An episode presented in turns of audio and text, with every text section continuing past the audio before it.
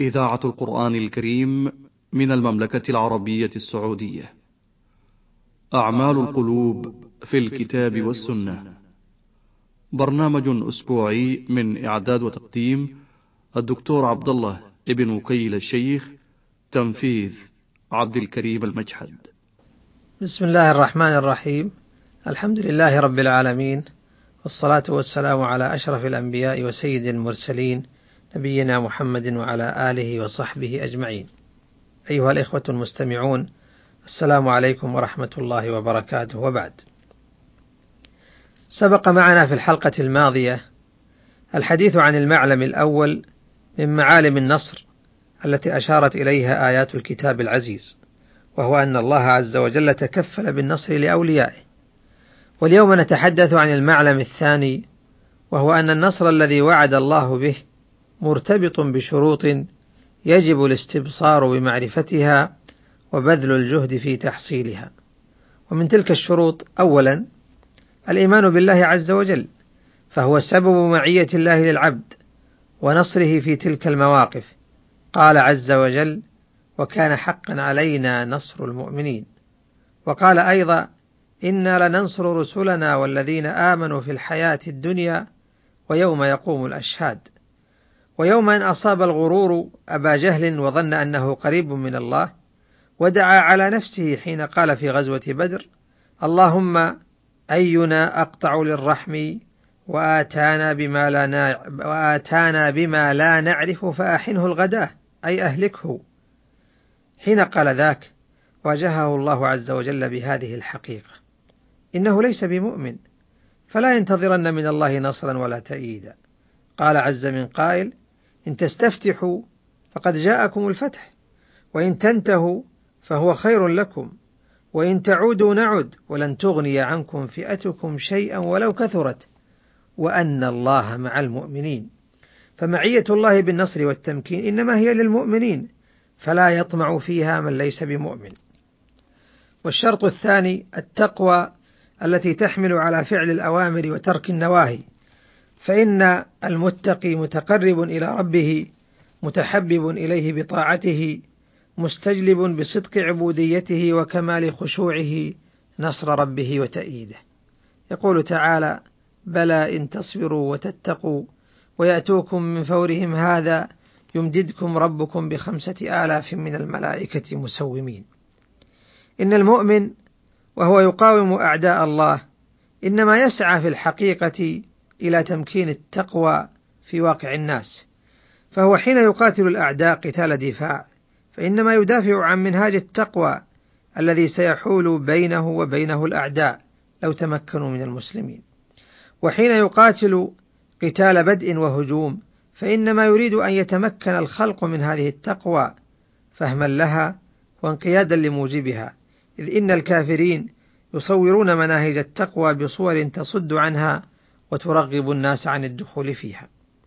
ولهذا كان الصالحون يستنكرون أن يقع في جيش المسلمين ما ينافي هذه التقوى حتى لا تنج حتى لا يتخلى الله عنهم ويدعهم لحولهم وقوتهم. والشرط الثالث الصبر كما سبق في قوله تعالى إن تصبروا وتتقوا والصبر من الدين بمنزلة الرأس من الجسد والصبر لا بد منه للإنسان في أموره الدينية والدنيوية. ومما يهون عليه هذا الأمر أن الطرف المقابل يعاني مثل ما يعاني من الآلام. فكيف يغلب المؤمن بصبره مع أن المؤمن يصبر لينال ما لا يناله ذلك الكافر؟ كما قال عز من قائل إن تكونوا تألمون فإنهم يألمون كما تألمون وترجون من الله ما لا يرجون. أي ترجون ثواب الله وحسن العاقبة. وقد قال تعالى إنما يوفى الصابرون أجرهم بغير حساب. وقد أمر الله بالصبر في مثل قوله تعالى يا أيها الذين آمنوا اصبروا وصابروا ورابطوا واتقوا الله لعلكم تفلحون.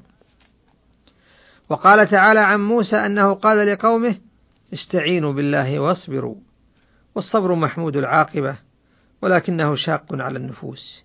ولهذا كان من دعاء المؤمنين لربهم أن يوفقهم الله للصبر كما في قوله تعالى في قصة بني إسرائيل ولما برزوا لجالوت وجنوده قالوا ربنا أفرغ علينا صبرا وثبت أقدامنا وانصرنا على القوم الكافرين.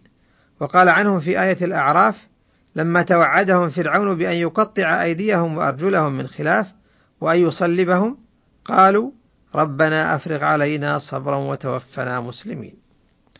ومن شروط النصر الاتحاد ونبذ الفرقة والاختلاف والتناحر على مكالب الدنيا وشهواتها.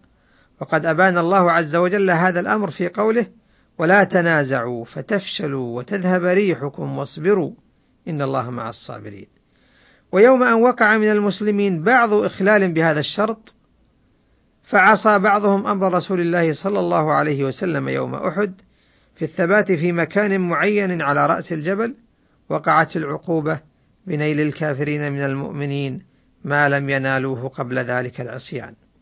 مع أنه كان عصيانا تأول فيه أصحابه أن المعركة, أن المعركة قد انتهت وأن الكفار قد اندحروا فأحبوا أن يشاركوا إخوانهم في المغانم.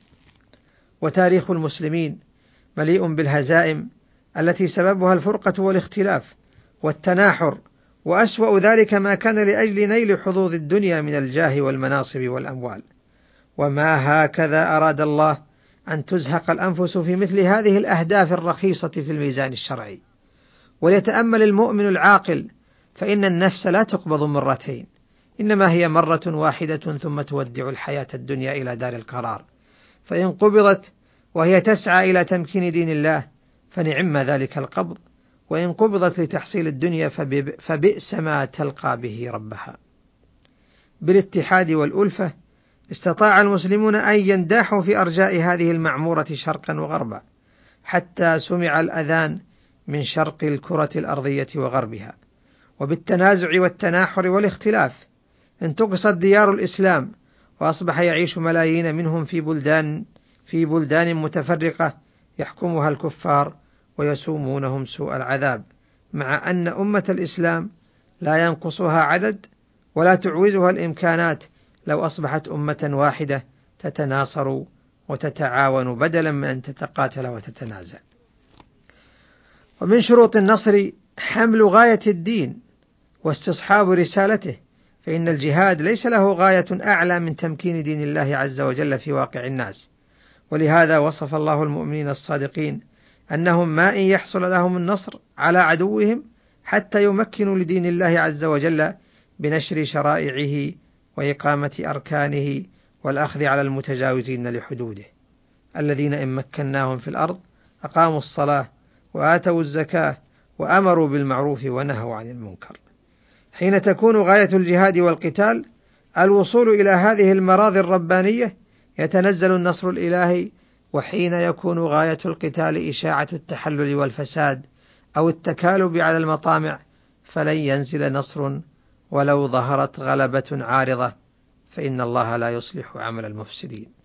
وعلى كل فالمؤمن الحق كما يتعلق قلبه بالله عز وجل ثقة في نصره فإن يديه تجمع من أسباب النصر المادية ما يستطيع تحصيله لأن سنة الله في اجتماع الأمرين كما قال تعالى: وأعدوا لهم ما استطعتم من قوة ومن رباط الخيل ترهبون به عدو الله وعدوكم.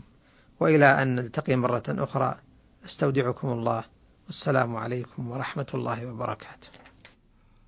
أعمال القلوب في الكتاب والسنة برنامج أسبوعي من إعداد وتقديم الدكتور عبد الله ابن وكيل الشيخ تنفيذ عبد الكريم المجحد